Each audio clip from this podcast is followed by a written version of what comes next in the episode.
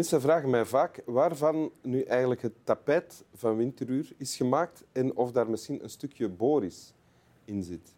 U weet wel, Boris, de, uh, de voorganger van Swami Bami, de veel te vroeg gestorven voor, voorganger van Swami Bami. Um, ik zal het zo zeggen. Het tapijt is voornamelijk uit schaap gemaakt. Welkom in Winteruur, Karel Verhoeven. Goedenavond. Hoofdredacteur van De Standaard. Sinds zeven jaar al, of acht jaar, denk ik. Tien jaar zelfs. Tien jaar al? Ja. Ah, oh, pardon. Ja, dan ben ik uh, half correct geïnformeerd. en voordien journalist. Hè? Ja. Uh, en nu tussen je drukke bezigheden van uh, de voorpagina samenstellen enzovoort, wat doet een hoofdredacteur eigenlijk nog allemaal? Oh, beginnen bij de voorpagina samen te stellen en te zorgen dat iedereen aan het werk kan. Ah, ja, ja. En om, om hoe laat moet eigenlijk de krant af zijn? Half elf. Half elf. Maar doordat we een website hebben en een app, zijn we eigenlijk constant uh, nieuwsbrieven aan het maken en deadlines aan het halen. Ah, ja. Maar we hebben nog één krantenmoment s'avonds, dat we om half elf sluiten, ongeveer rond dit moment. Uh, ah, ja. Dus zolang dat de papieren krant bestaat, zal er nog een duidelijke deadline zijn. Ja, daarna, en daarna blijft ook de krant als digitale bundel blijft ook natuurlijk leven. Ja, ja, ja. En die verschijnt ook s'morgens. Ja, maar dus je bent eigenlijk altijd aan het werken. Hè? Ja, de redactie is altijd aan het werken.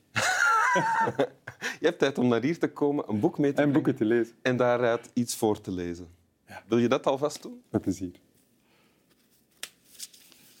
Het is uh, een fragment uit Elementaire Deeltjes van uh, Michel Houellebecq. Ja. Pagina 13, helemaal in het begin. De derde pagina van het boek.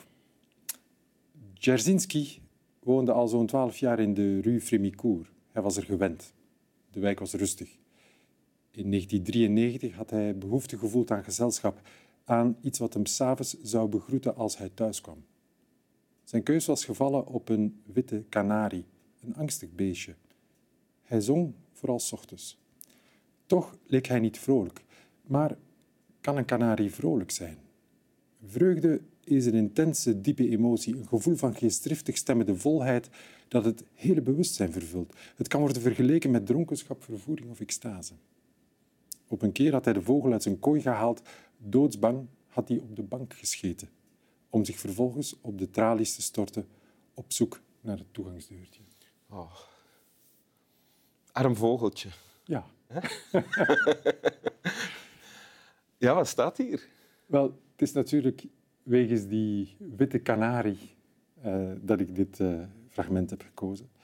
Um, en het is niet voor mijn boekenkast staande dat ik dat boek koos, maar het is, het is een discussie met uh, collega's geweest over ja, welke romans zouden iets kunnen vertellen over die vreemde tijd waar we nu, die we nu beleven. Die ja. uh, mengeling van angst en teleurstelling en het gevoel dat ons van alles was afgenomen en ook al dat we verkeerde afslagen hebben genomen de voorbije jaren. En, en ja, Jullie hebben daar op de krant over gediscussieerd onder collega's. Ja, omdat je voor de Standaard Letter bijvoorbeeld zijn we op zoek naar eh, die boeken die betekenisvol zijn. En bij mij kwam meteen die Wellebeck uh, voor de geest uit uh, 22 jaar oud, 1998. En naar mijn gevoel een perfecte beschrijving van de tijd die we nu doormaken.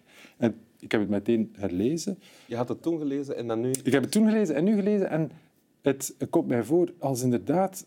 Uh, het is de, die, die hele beklemmende tijd van nu, maar er zit meer grijns in dan ik toen door had. Er zit meer licht in. Er zit iets in wat ons... Uh, ja, je voelt hier veel meer lach. En dat vind ik hier in dit fragment. Dat zit hier bij die, bij die kanarie. En daarom heb ik die kanarie. De eerste keer dat je dat gelezen had, je die humor minder uh, gevoeld. Het is een uh, totaal deprimerend boek. Ja. Er is geen gram geluk. En als er tien seconden geluk is, dan uh, gaat het vervolgens helemaal kapot. Het gaat over twee halfbroers die een onvermogen hebben om contact te hebben met andere mensen. Ja. En op een heel cynische manier naar alles... Zeker in het begin. Zeker in het begin van het boek. Ja. En hier wordt die ene, die, die Michel Dzerzhinsky, genie, maar eigenlijk een coole, kille man, wordt hier neergezet. En het is die, die kanarie die het hem natuurlijk doet. En Want je moet eens kijken wat, wat hier eigenlijk staat. Hier is een man die, die zoekt naar... Uh, Iets dat hem begroet als hij thuiskomt. Ja, hij zoekt naar, naar, naar een vorm van... Ja, om, wil omringd worden. Hij zoekt dat niet bij een geliefde of niet bij een vriend. En hij zoekt dat niet bij een hond of een kat. Het is een kanarie en het is niet zomaar een kanarie. Het is een, een welgekozen kanarie. Zijn keus was gevallen. Dus er is naar gezocht. Het blijkt dan ook een witte kanarie te zijn, terwijl jij en ik bij een kanarie wellicht denken aan de geel beige ja, klopt, kleur. En ze bestaan, witte kanaries. Ik heb het opgezocht. Oké. En inderdaad zijn het angstige beestjes, oh, ja. witte kanaries. Een beetje vrij. Uh, kunnen zich moeilijk voortplanten, waar dit boek trouwens ook over gaat. Ja. Dus het is heel juist gekozen. En dan zie je hier dat er toch wel een, een feest van mislukking op gang komt. Want het is een, een angstig beestje en hij zingt, maar, maar helaas niet s'avonds als hij thuis komt, maar, maar s'morgens Ja. zingt hij. En eh, ja, dan... Ja, dan eh, stelt zich ook de vraag of een, een kanarie vrolijk kan zijn. Ja, want dan heb je hier die banaliteit van een man op zoek naar contact die uitkomt bij een kanarie. En dan krijg je daar die, die zin bij, plotseling die vraag, kan een kanarie vrolijk zijn? Een diep filosofische vraag. Kan deze hond vrolijk zijn? We zouden er wellicht een uur kunnen over doorgaan. Maar het is ook wel een beetje een lullige vraag. Zeker in verband met de kanarie. En dan krijg je daar zo die, die hoogdravende zin daar rond van vreugde is een intense, diepe emotie. Zo een beetje hè, de, de ernst van, van de wetenschapper. Ja. En daar voel je, na al die mislukkingen die op elkaar gestapeld zijn, en dan er zo'n tegen, een zin tegen aangooien, die, die schrijver is als potje aan het lappen. Die is wel aan het grijnzen. Terwijl hij al zijn mislukkingen opsomt, uh, heeft hij ook wel het gevoel dat hij uh, ja, een beetje aan het, aan het gremelen is met ons en met de duisternis die hij hier aan het creëren is. Ja. En dat is eigenlijk de reden waarom ik het, uh, het boek nu als een soort van... Ja, het meest pijnlijke volgt daarna dan ook. Als, als de kanarie wordt semi-vrijgelaten, dan is hij bang, hij scheidt op de bank en wil dan zo snel mogelijk terug in zijn kooi. Ja. Wat je de vraag doet stellen, wie zijn wij? Zijn, zijn wij niet die kanarie? Zijn wij ook niet zulke bangers die nooit grote wilde plannen gehad hebben, maar nu als we straks... We maken veel plannen voor als we straks losgelaten worden, maar gaan we er wel van kunnen genieten. Ik ben ook wel vrij. Ja, of, zijn wij, ja, of zijn wij die sukkel die geen, geen contact meer kan vinden? Of zijn wij ook niet een beetje degene die er wat grijnzend naar staat te kijken? Naar dat hele tafereeltje. Mm -hmm. uh, en wat is jouw antwoord daarop? Wel, ik denk een beetje van alle drie. Uh, het heldendom is voor weinigen weggelegd. En, en hier voel je toch ja, we zijn allemaal maar sukkels. En op welke manier... Je, je, vertelt het nu heel vrolijk, als ik dat woord in de mond mag nemen na wat je net hebt voorgelezen. Maar wel, welk effect heeft het dan op jou om zo'n donkere uh, dingen te lezen? Ik, bij mij geeft dat vooral troost. Uh, een soort van loutering. En ik denk dat dat komt door de ongelooflijke durf, want dit is een grandioos boek. Mm -hmm door de durf van die schrijver dat hij dingen doet zodat wij ze niet meer zouden moeten doen. Dus vooral in die ravijn gaan kijken van die totale ja, menselijk onvermogen. Ja.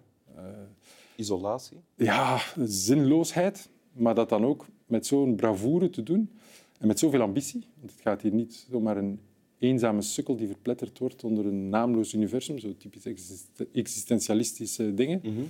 Maar het is hier, hij pakt hier de hele maatschappij aan naoorlogsmaatschappij, zeker sinds 68. Je moet er allemaal aan geloven, al helemaal meegetrokken in zijn desillusie. En hij doet dat dan nog eens in een ijzingwekkend kale stijl. Ja. Je zich niet meer over te, te kijk zitten, of, uh, dan klopt het als ik zeg van dat gaat dan vooral over um, de uh, genotscultuur, het hedonistische ja. en het lege daarvan. Die vermenging van hedonisme met kapitalisme. Ja, en dat is geschreven twintig jaar geleden. Ja. Als, ik, als, we, als ik nu terugdenk aan twintig jaar geleden, dan denk ik van toen was dat allemaal nog niet zo erg. Exact. Ja. De crisis moest nog komen. Ja. Het, uh, de, financiële crisis van 2008, de, de hele, het gevoel van die globalisering en dat hele uberkapitalisme, dat, dat heeft toch ook wel veel donkere schaduwzijden, waar we nu wel van overtuigd zijn. Het moest allemaal komen. Het stond, stond allemaal hierin. En de troost zit er bij mij in. Ik denk misschien een beetje zoals dat bij uh, iemand die, die horrorverhalen leest, dat hij op het einde wel denkt, ah, ik heb nu het ergste gelezen. Zoveel spoken zullen er in mijn leven wel niet rondlopen. Ik weet niet, ik lees geen horrorverhaal. Uh, zo'n soort van opluchting dat het, het kwaad is bezworen. Het zit hier, het zit hier in het boek. Het zit tussen die twee kasten. Ja. Lekker. Wil je het nog eens voorlezen? Dzerzhinsky woonde al zo'n twaalf jaar in de rue Frémicourt. Hij was er gewend. De wijk was rustig. In 1993 had hij behoefte gevoeld aan gezelschap, aan iets wat hem s'avonds zou begroeten als hij thuis kwam. Zijn keus was gevallen op een witte kanarie, een angstig beestje. Hij zong vooral 's ochtends. Toch leek hij niet vrolijk. Maar kan een kanarie vrolijk zijn? Vreugde is een intense, diepe emotie, een gevoel van geestdriftig stemmende volheid dat het hele bewustzijn vervult. Het kan worden vergeleken met dronkenschap, vervoering of extase.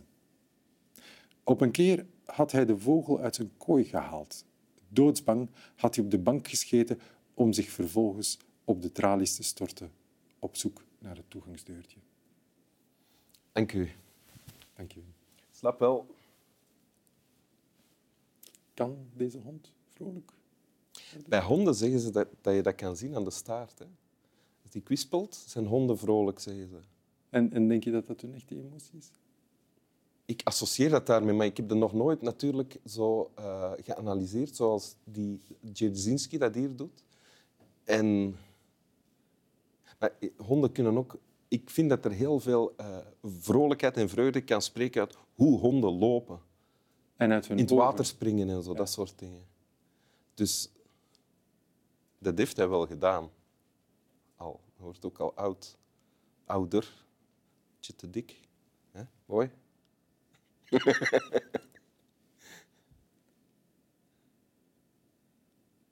En als een hond het kan, dan ook een kanarie. Ik associeer het fluiten van vogels ook met vrolijkte. En dat is waarschijnlijk een vergissing. Maar ik kies er toch voor om dat nog, nog even te blijven doen. Beetje illusie. ja.